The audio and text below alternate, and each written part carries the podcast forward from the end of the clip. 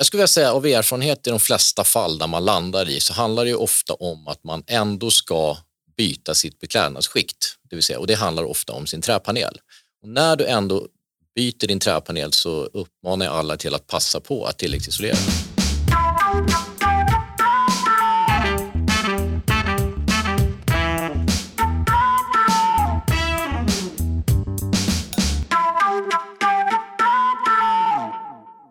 Hej och välkomna till avsnitt 9 av Energirenovering-podden.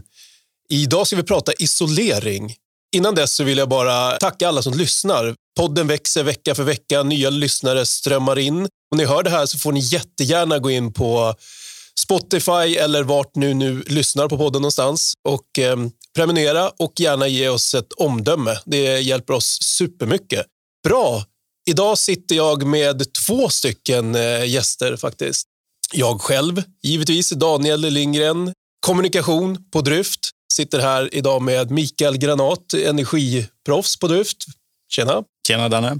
Härligt. Eh, och sen så har vi en långväga gäst, Johan Törnblom från Isovär. Jajamän. Välkommen! Tack så mycket. Bra. Och vad gör du på dagarna? Jag jobbar på Isovär med teknisk sälj i Mellansverige. Just det. Och vad gör Isovär?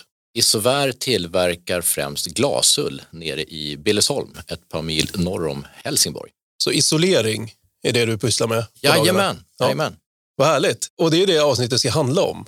Så att om vi bara sätter saker och ting lite i kontext, så varför isolerar man överhuvudtaget? Det finns ju många anledningar till att man isolerar. Det första man tänker på när man pratar att man ska isolera hemma så tror jag att man tänker att man isolerar ju för värme. Det vill säga att om vi, vi har ett hus och vi, vi, vi värmer upp det och så vill vi behålla värmen in och den ska inte slippra igenom exempelvis våran fasad eller våra tak. Så isolerar vi för att hålla värmen kvar inne i huset och det gör man då med hjälp av vår glasull som är en mineralull bland annat och så finns det ju såklart flera andra olika typer av isolervarianter.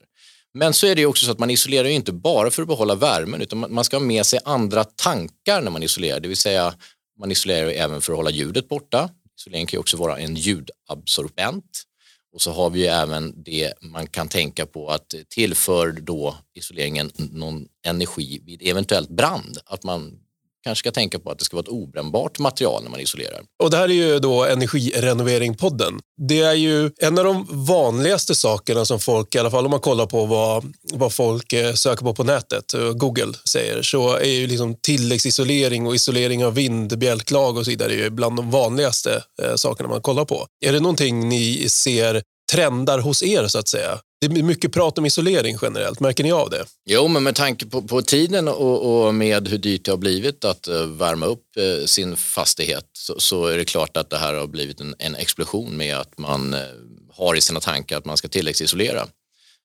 Och, och, där är vi såklart behjälpliga. Om vi ska gå in på mitt hus då. Vi har pratat lite om mitt hus i tidigare avsnitt och jag bor i ett 70-talshus då. Och det är hyfsat dålig energiklass på det. Där pratar vi lite grann om liksom, att tilläggsisolera och isolera min vindspelklag och så vidare. Det fanns en rad olika åtgärder jag kunde göra för mitt hus med energieffektivt. Om vi ska börja någonstans då och prata lite mer, lite mer konkreta åtgärder i ett hus, och om vi tar, utgår från mitt hus då, som exempel. Om jag vill isolera min, mitt vindspjälklag, då, hur ska jag tänka kring val av produkter och hur funkar det? Vad är det för typ av produkt man använder när man gör en sån typ av åtgärd? Som i vårt fall, det jag jobbar med främst, då, så har vi ju exempelvis mineralull, en glasull. Mineralull finns både stenull och glasull. Det är ett sätt man kan isolera och det jag kan prata om främst om man säger så. Eh, sen har vi ju också andra typer av isolermaterial som man kan använda för tilläggsisolering av sitt vindspräcklag. Men egentligen så är det ju samma tekniska aspekter man ska ha med sig när man tilläggsisolerar oberoende vad man använder för isolering. Eh, specifikationerna kan man ju ha med sig att tänka på sånt som eh, är viktigt ur en byggteknisk aspekt, det vill säga vad har isoleringen för isolervärde, det man kallar för lambdavärde och där har vi ju en klassning på mineralursidan som ligger någonstans kan man säga då, vi säger siffror nu mellan 30 och 40. Och när vi säger mellan 30 och 40 då säger jag det enkelt för att eh, man ska förstå att ju lägre den här siffran är, det vill säga det är en värmegenomgångskoefficient kan man säga, eller ett isolervärde eller lambdavärde, desto bättre isolerar produkten. Och det har ju med stillastående luft att göra. Okej, okay, så lambavärden, Mm. Är det någonting man ska ha lite ögonen på eller? Ja, jag tycker man ska ha koll på vad produkten har för lambdavärde. För ju bättre lambdavärde det är, desto bättre isolerar produkten. Sen blir det då projektunikt vad man behöver ha för isolervärde på produkten för att klara just sin konstruktionsdel om man säger så. Då. Men det finns fler aspekter att ta hänsyn till här eller? Ja, jag tycker man ska ha med sig när man väljer sin isolering. Det är ju vad man har med sig själv för värden och det kan man ju diskutera med den man beställer jobbet av. Vi har varit inne på isolervärde. Vi har varit inne på att om man isolerar ett vindspeklag så har vi varit inne på att prata lite brand tidigare. Eh, tillför materialet någon, någon energi vid en eventuell brand och då pratar vi obrännbarhet och där har vi ju klassning på materialet som man kan ha med sig enkelt att hålla ögonen på. Någonting som är en euroklassning, det vill säga det kallar man för A1, A2 obrännbart material och sen B, C, D och så vidare där man enkelt kan titta själv. Man kan även ha med sig hur eh, beter sig produkten i fukthänsyn. Är den fuktkänslig? Kan man ha med sig i sina tankar. Och så tycker jag man också ska ha med sig eh, om den bidrar till ett ljudmotstånd. Det är också viktigt såklart. Och där kan man ju tänka sig i heluppbyggnaden, exempelvis vindspeklag, ska man ha boendeyta på övervåningen, det vill säga vi gör om en kallvind till exempelvis en levnadsyta, då har vi även steggudsaffekten eh, som spelar in. Och Micke då? Du träffar ju mycket eh, människor som bor i hus ja. och pratar om den här typen av frågor. Hur går resonemanget med, med husägarna ute på, på byn? Ja, men när vi kommer till att isolera vindspjälklaget, om man har kommit dit i diskussionen, så brukar det mycket röra om hur mycket man måste bygga upp själva vindspjälklaget. För oftast så är det så, om vi tar ditt hus till exempel, så kanske du har en hanbjälke som är kanske 20 centimeter och den är ju egentligen för grund för eh, att ha tillräckligt med isolering. Och då måste du bygga på det här vindspjälklaget, vilket gör att du kommer tappa takhöjd. Men då beror det också på vad du ska ha det här vindsutrymmet till. Är det bara ett förråd, då kommer det kanske inte spela någon roll. Men är det en yta som du kanske vill nyttja som en biyta, du kanske inte kan få en boyta på den, men biyta, då bör man kanske fundera på vilken typ av isolering man ska använda. Olika material har ju olika värden, vilket innebär att vissa kanske behöver ha mer av än andra. Och där gäller det liksom att göra någon typ av avvägning på vad man ska ha utrymme till. För när vi pratade om mitt hus avsnitt två och tre så pratade vi om att isolera vinden var ett bra alternativ för mig. Vi pratade inte om vilka typer av produkter jag kunde använda. Men det låter som att det är en, lite av en djungel av grejer. Och där, där blir jag lite, lite så här utelämnad till någon annan att tala om för mig vad, vad som är bra. Jag vill ju gärna ha lite koll. Liksom. Och Det är därför jag tänker att vi pratar idag. Då. Men då finns det ju någonting med lambavärden, det är någonting kring brandrisk och sen behöver jag också liksom ha något resonemang kring hur jag ska använda ytan framöver. Det är bara då materialet i isoleringen som är viktigt att ta hänsyn till när jag ska isolera min vind, eller? Man har en stor möjlighet att använda lösull då det är smidigt för arbete, kanske framförallt i ett gammalt hus där man då enkelt bara besprutar ut materialet mellan... Och vad är lösull? Lösningsmaterial är, eh, som i vårt fall då, där vi enkelt att förklara då med, med, med en glasullsproduktion, eh, så är det ju helt enkelt så att vi producerar ju av återvunnet glas och det, det smälter man då ner och man spinner fibrerna av materialet. Och skillnaden när man då spinner fibrerna av materialet när du har en skiva, då använder man ju bindemedel för att få till en skivprodukt. Har vi lösullen så är det ju egentligen som en sockervaddsproduktion, det vill säga man spinner fibrerna och sen så har vi ett löselsmaterial, enkelt sagt. Bomull typ, fast det är inte lika lätt. Det kan man säga, att man, och det gör, gör ju det möjligheten att du helt enkelt använder en, en maskin och sprutar ut materialet på vindspräcklaget eller så kan det också finnas möjligheten till att kratta materialet. Som det mest ser ut idag skulle jag säga är väl att man ser möjligheten till att antingen anlita en entreprenör som, som då lägger skivor när det ges en bra möjlighet, ska vi säga projektunikt, eller så anlitar man en löshusentreprenör som då blåser ut lösullen på bjälklaget. Vad är det för typ av projekt det här? Och hur ska jag tänka då? Skivor eller lösull? Eller? Ja, det är det. Jag skulle faktiskt vilja gå in på den direkt. För att oberoende vad du använder för isolermaterial så är det byggtekniska aspekter som du ska ha med när du har valt ett material och de ser ungefär likadana ut eller de ser likadana ut oberoende av vad du väljer för isolermaterial. Och tittar vi på, då på en äldre konstruktion där vi inte är säkra på vad det sitter för tätskikt, eh, det vill säga underifrån levnadsdelen upp till öppna vindspeklag, det vill säga kallvinden, där vi då får eh, en skillnad eh, på vad ska vi säga, temperaturförhållandena. Har vi då inte ett fungerande tätskikt med så hur vi lever idag, det vill säga att vi tillför ju mycket fukt i våra hushåll idag med tanke på hur vi lever, vi lagar mat och vi duschar varmt och länge och, och allt det där. Och det där spelar också in beroende på hur många man är i hushållet. Det är klart att det tillförs ju ännu mer fukt om man är många i hushållet. Och för att stänga det här så ska man se till att man har helst ett fungerande tätskikt och sen isolerar man efter det. Det här kollar du på Micke när du är ute då och gör platsbesöken. De här diffusionsspärrarna kom ju typ mitten på 70-talet. Så är huset äldre så kommer du förmodligen inte hitta en sån här diffusionsspärr. Är det den här plasten som vi pratade om ja, i avsnitt två när vi pratade om mitt hus? I ditt hus så är det möjligt att den sitter, men i mitt hus som är från 66 så finns det ingen. Helst eh, så ska ju liksom den här diffusionsspärren vara i liksom ett sjok i undertaket det är ju för att den här fukten inte ska trängas igenom utan den ska ventileras ut, med, helst då med mekanisk eh, ventilation. Men om man ska göra en sån här tilläggsisolering i ett eh, bjälklag då kan man lägga den här spärren mellan takstolarna. Då blir det liksom att du får gå upp på vinden och titta ner på golvet du står på och då ska den vara liksom längst ner. Då. Och sen lägger man på isolering uppe på det? Ja. Men då förstår jag fortfarande inte varför jag ska gå för sprutisolering då eller någon typ av skivmaterial. Vad är det som avgör det valet? Det kan vara beroende på hur takstolarna ser ut. För att har du ett utrymme där du har traditionella takstolar med fackverk, det är svårt att förklara hur ett fackverk ser ut, men om man går upp på en vind och så ser man massa pinnar som står snett kan man säga i takstolarna. Det är själva fackverket. Och om du har den typen av takstol, då kan det vara rätt svårt att isolera med skivor. För, för att det är så många små utrymmen exakt, som ska fyllas? Medan lösullen, den, liksom, den är lätt att få till alla små, små utrymmen. För det är viktigt att den här isoleringen ligger ju liksom tätt överallt så att du inte får en köldbrygga.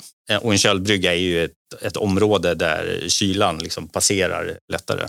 Man kan dra ett jättebra exempel där exempelvis reglarna blir ju som en köldbrygga. Alla regler som går genom konstruktionen om vi tar eh, mellanbjälklag eller om vi tar från en ytterväggsstomme så är ju reglerna ett sätt för eh, kylan att transporteras.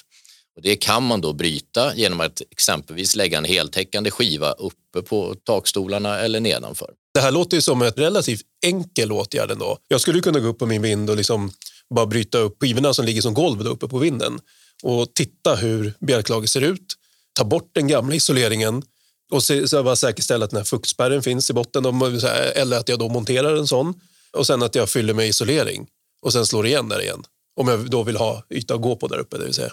Det låter ju lätt, men det är ofta ganska komplicerat för att det svåra i det här är att få till ett bra tätskikt i en äldre konstruktion. Och det är där det krävs expertis från kunniga entreprenörer som kan utföra jobbet för att få till det här tätskiktet. Och där kan man ju antingen gå ifrån eh, undervåningen som vi var inne på tidigare, att få till tätskiktet därifrån, men där kanske man sällan vill göra ett ingrepp utan man vill göra uppe på vinden. Och där blir det ganska svårt att få till tätskiktet då du måste gå med tätskiktet över reglar, ner på bjälklaget, upp, ner och så är det jätteviktigt med lufttätheten. Att man använder ordentliga produkter, det vill säga tejper och tätskikt som ska sitta under lång tid helt enkelt. Då förstår jag vad liksom, skivor, sprutisolering, vilka tillfällen de lämpar sig bra. Liksom. Och sen så pratar vi lite grann om Lambavärden ska jag ha lite koll på. Det ska vara ett lågt sådant. Det är någonting med brandrisk på det här. Som, där var det någon eh, euroklass jag skulle kolla efter. Det jag menar med det här det är alltså en, en, dynamik mellan materialen som arbetar i varje lösning. Det vill säga att jag har ett tätskikt med isolering ovanpå med resterande material som sitter i konstruktionen så ska man ha koll på helhet. Det är väl ett bra sätt att förklara det. Och där ingår ju att när du har fått till din helhet så vill du få med att ljud stoppas upp där det behövs. Vi vill ha med oss att eh, när vi väl isolerar så isolerar vi så bra så att det faktiskt ger en bra effekt tillbaka. Men oberoende ska man ha med sig att en tilläggsisolering ger ju alltid ett bra tillägg för att spara energi oberoende. Så det är alltid bra att tilläggsisolera tycker jag man ska ha med sig i grund och botten. För man isolerar ju som sagt för det här med att, för att hålla värmen på rätt sida, det vill säga värmeisolering, det här med att få till ljudmotståndet, det här med att man ska ha med sig vad händer vid brand? Har vi en helhetskonstruktion som håller branden borta där den ska? Sen så kan vi även gå in på det här med att du isolerar för att få till en bra levnadsstandard inne i, i förhållanden alltså. Det vill säga att man ser till att få till lufttätheten på samma gång och det är ju med hjälp av det här tätskiktet.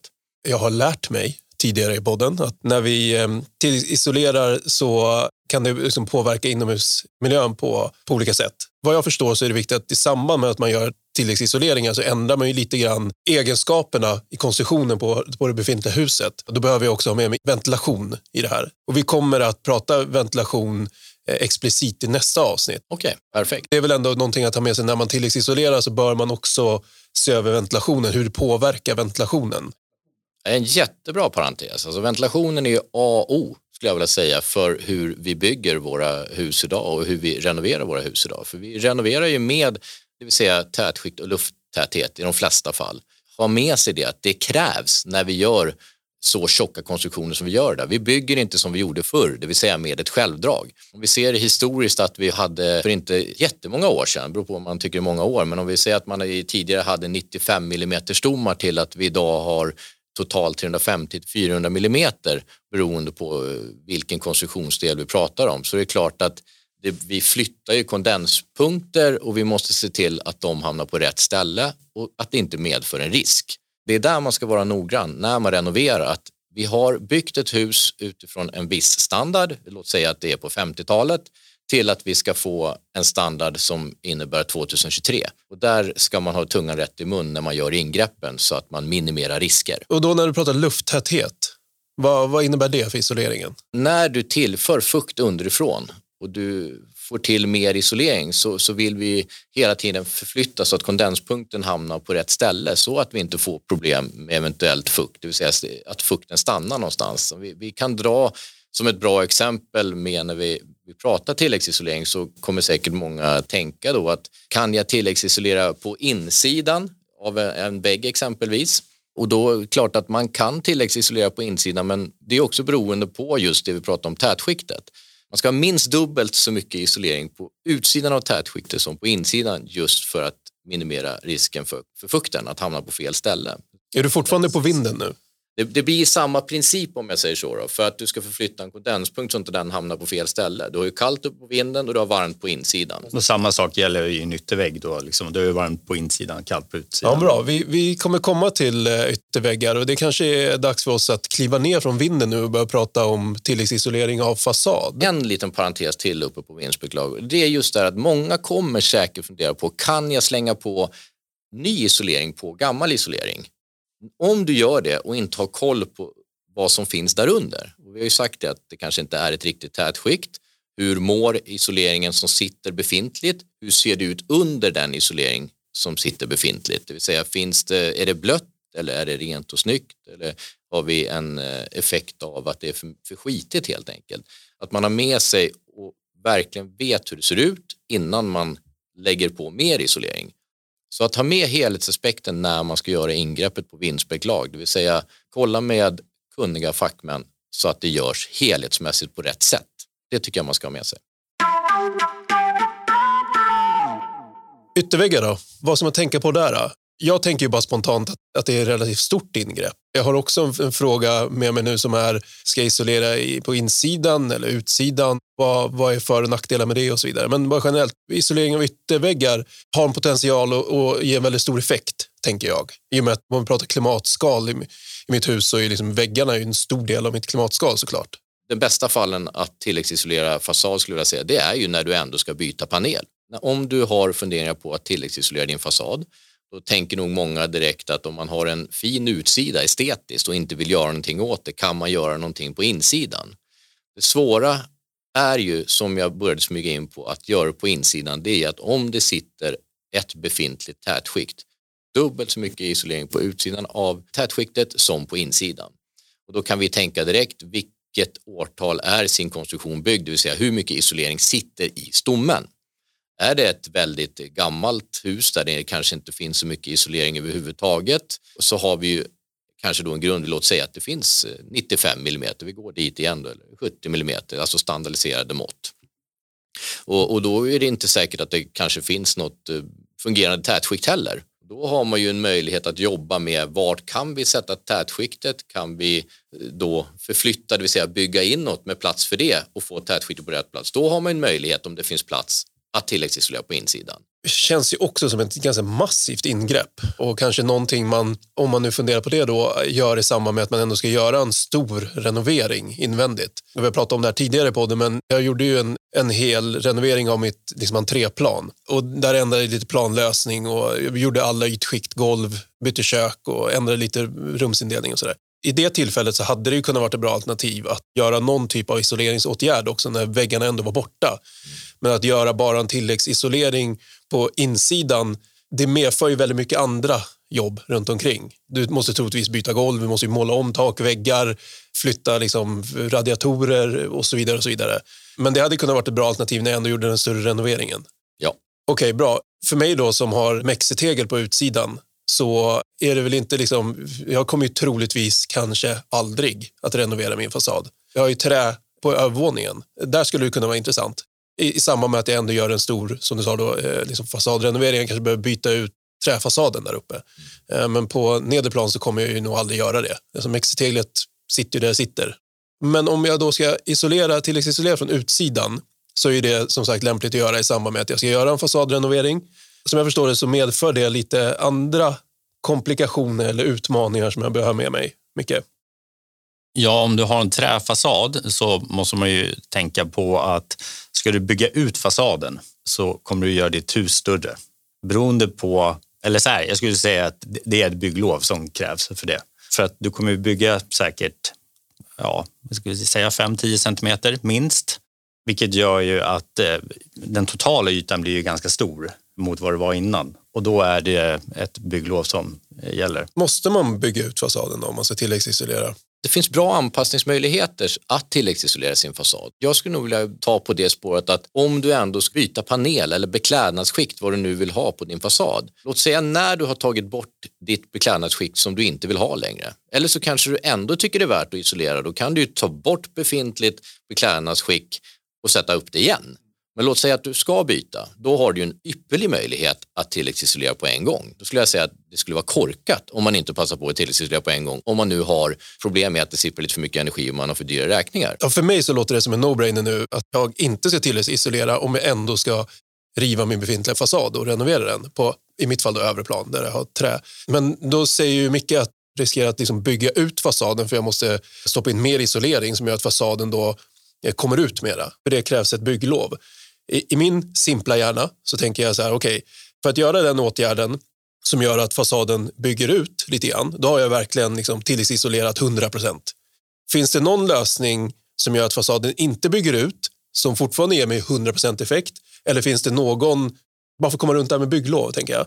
Finns det någon lösning jag kan göra som ger mig åtminstone 50-60 procent förbättring och att det inte bygger ut? Så då har jag i alla fall gjort en, en förbättring. Om än inte maximerat potentialen, men jag har ändå gjort en förbättring men jag slipper det här med bygglov och så vidare. Det kanske är knepigt, men jag vet inte hur det påverkar om jag har K-märkt fasad eller vad det nu kan vara. Jag tycker inte man ska vara rädd för att prova ett bygglov, för att i samma veva så kanske du tar ett lite större tänk på din fasad. Du kanske vill ha större fönster samma veva, byta plats på fönster.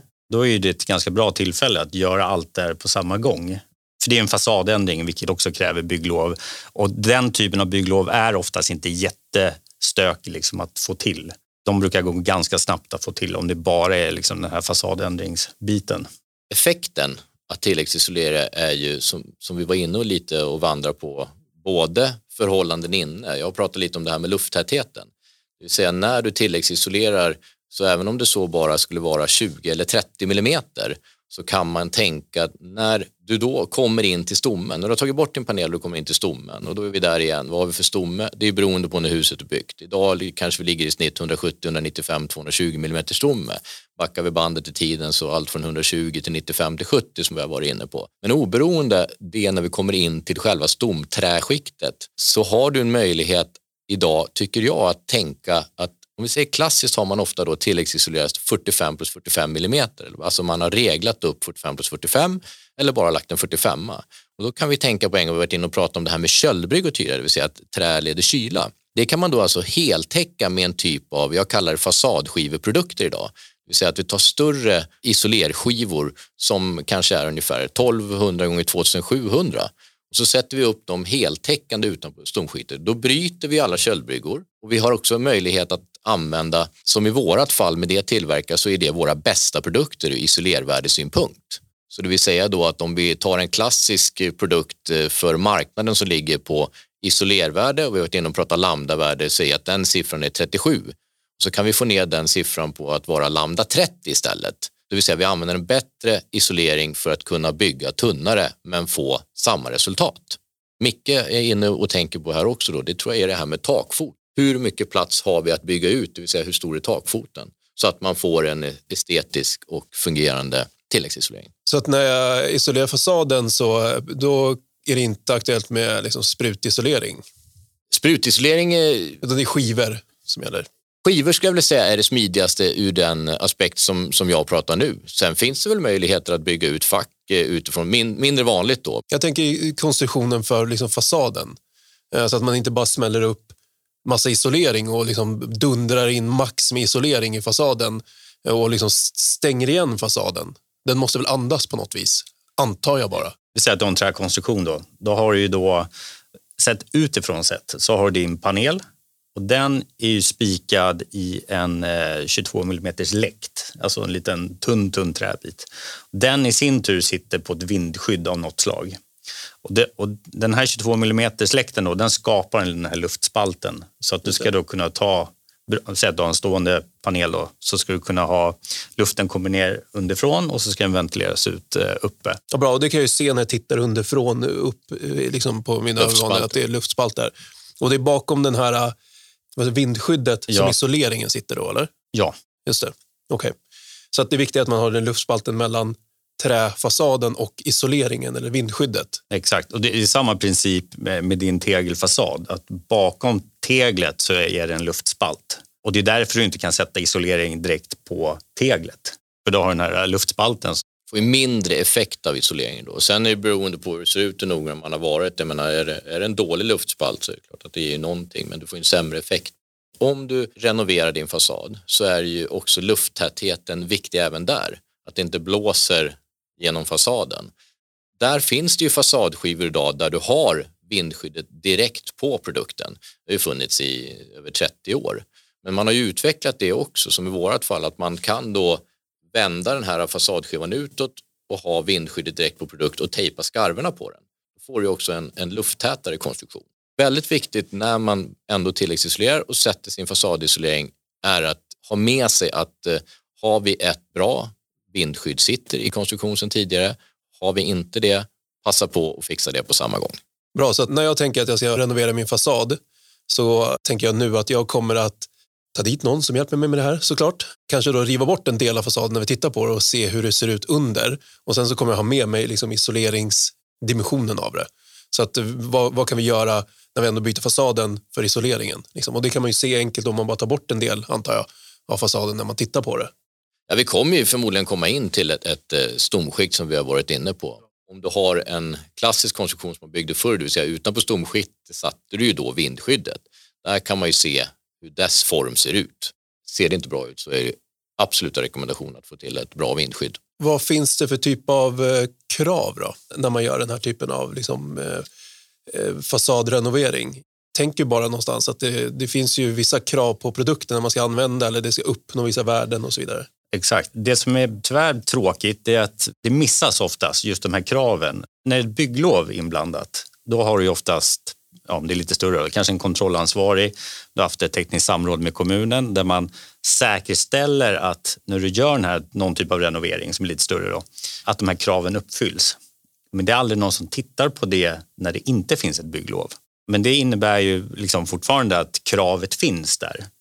Så det man ska titta på och det man ska ta hjälp av, det är ju någon som kan räkna ut om jag ska göra någonting nytt och jag vill följa de lagar och regler som finns, då måste väggen uppnå dagens krav, inte när huset byggdes. Och det kan ju vara rätt svårt, för precis som vårt proffs här berättade att en nyttevägg idag är ju så otroligt mycket tjockare än vad en vägg från 60-talet är. Så, så det kan ju vara svårt, men då måste man ändå försöka komma så nära som möjligt. Om du har en väggstomme då som är 120 millimeter, men den ska vara 200, då kan du inte bara bygga ut huset så mycket för att du kommer förmodligen göra ditt hus för stort. Det du måste göra då är att bygga inåt.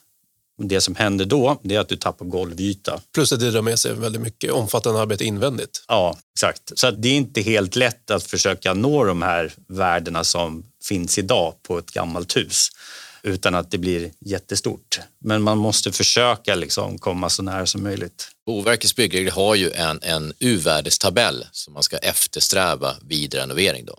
då kan man ju bara berätta lite kort om U-värden tycker jag. Att alltså om vi tar skillnaden på U-värde och exempelvis lambdavärde. Lambdavärde, då pratar vi isolering, produktegenskap.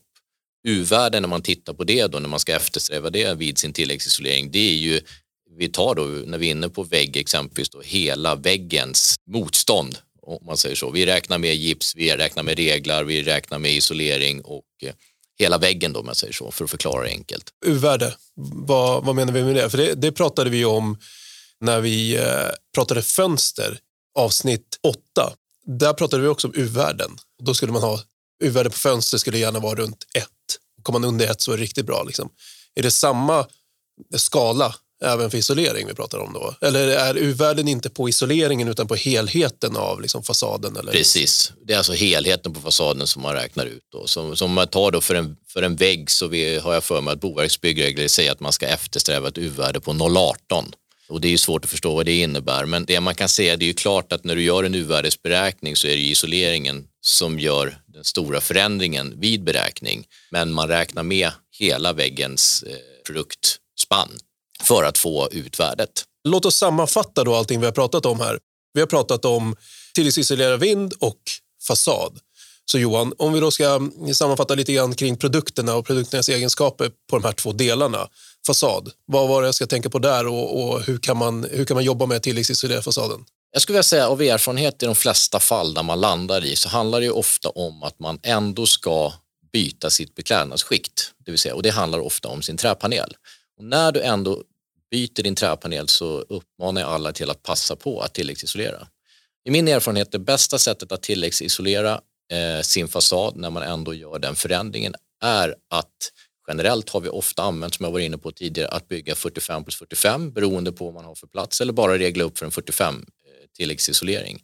Här kan man istället tänka att sätt en heltäckande fasadskiva mot sin regelstomme och få en produkt med bättre isolerad värde för att få bästa effekt när man ändå gör ingreppet. Se till på samma gång som vi var inne på tidigare att få dit ett fungerande och bra vindskydd som vi försöker få så lufttätt som möjligt. För du isolerar ju inte bara för att spara energin utan du isolerar ju också för att få en bättre levnadsstandard där inne. Det vill säga att ofta när du sitter där inne så kan du känna att ah, vi måste höja temperaturen men det kan också vara att det blåser igenom fasaden och då rättar man till de problemen genom att eh, få ett fungerande vindskydd helt enkelt. Och vinden då? Vinden så tycker jag alla ska ha med sig att ska man göra det ingreppet så är det såklart om att det kan ju vara ett komplicerat ingrepp om det ligger en isolering sedan gammalt, det kan vara spån som ligger sedan gammalt, att man ser till att det ser fräscht ut om man ska tilläggsisolera utan att sätta dit ett nytt tätskikt. För det kan vara en för stor investering för vissa. Och om man då tillägg, väljer att tilläggsisolera i alla fall, då måste man ju sätta upp huvudet ganska ofta för att se vad förändringarna blir där uppe så att vi inte får något problem. Men självklart helst och bäst få dit ett fungerande tätskikt, välj sin isolering, kolla med sin entreprenör, eh, eventuellt konsult då, som man har i sitt projekt för att få bästa och mest lämpliga produkt för just sitt projekt.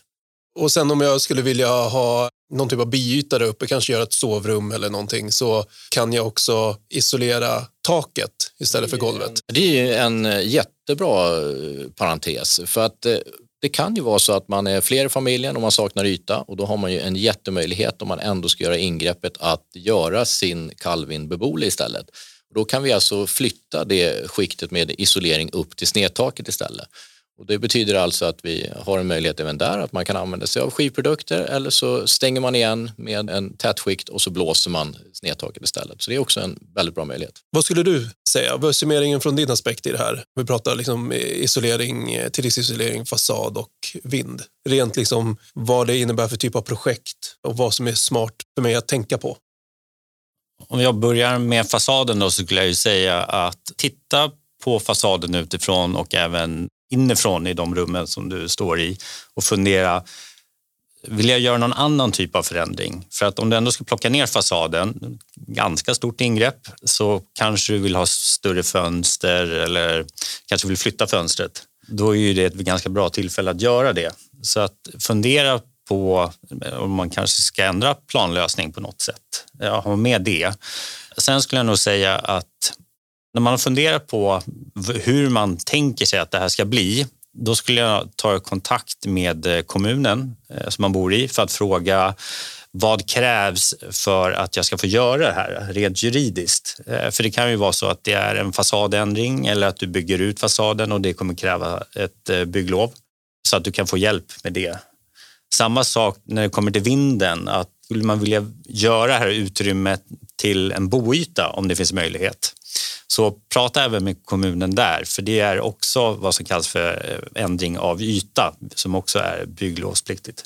Då förstår jag. Det, det finns ju någonting med att tilläggsisolera fasaden som givetvis eh, förbättrar liksom, eller sänker energibehovet. Jag förbättrar ju klimatskalet så jag sänker energibehovet för mitt hus. Det blir mer energieffektivt.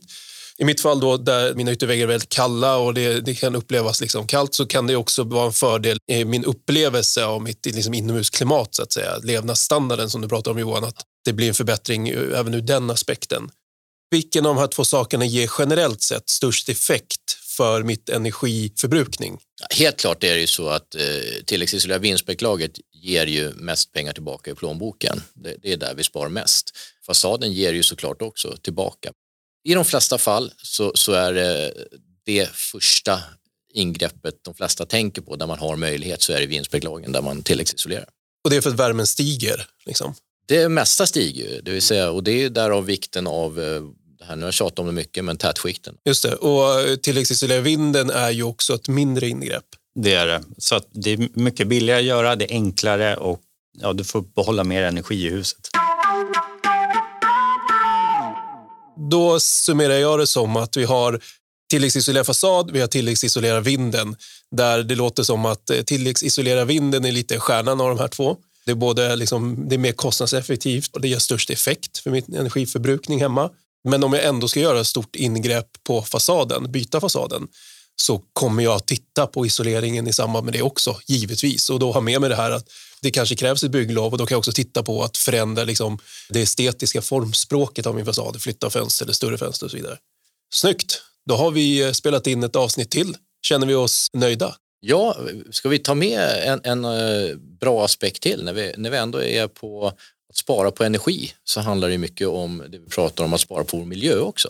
Och det som eh, de flesta material är duktiga på idag så är det också att ha en eh, tredjepartsverifiering på vad man har för klimatpåverkan i en livscykelanalys. Och det är också någonting man, jag tycker man kan ha med sig och titta på när man väljer sitt material. Det är helt rätt faktiskt. Och, och, där finns det ju såklart en rad olika produkter som är mer eller mindre bra ur den aspekten. Absolut. Ja, men fint. Bra. Tack eh, för att ni tog er tid att komma hit till vår studio och prata lite energirenovering och isolering på det. Tackar. Tack själva. Tack för att vi fick vara med.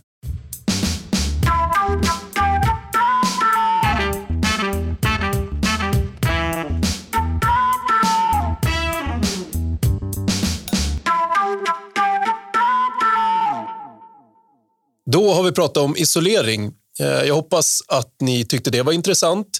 I nästa avsnitt eh, blir ju då naturligt att vi kommer djupdyka på ämnet ventilation som eh, vi pratade om i avsnittet är en viktig aspekt att tänka på när du har gjort en tilläggsisolering.